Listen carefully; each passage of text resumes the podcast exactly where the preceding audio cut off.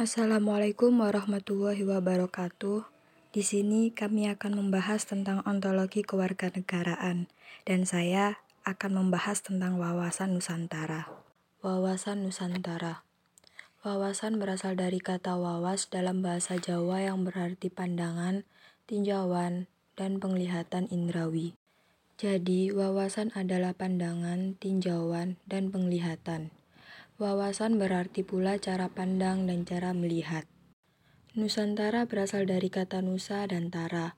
Nusa artinya pulau atau kesatuan kepulauan, antara artinya menunjukkan letak antara dua unsur. Jadi, Nusantara adalah kesatuan kepulauan yang terletak di antara dua benua, yaitu benua Asia dan benua Australia dan dua samudra yaitu Samudra Hindia dan Samudra Pasifik.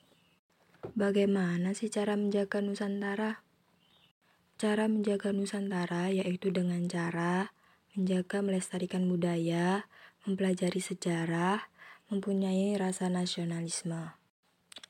Wawasan Nusantara berfungsi sebagai pedoman, motivasi, serta rambu-rambu dalam menentukan segala kebijakan, keputusan, tindakan, dan perbuatan bagi penyelenggaraan negara dalam kehidupan bermasyarakat, berbangsa, dan bernegara.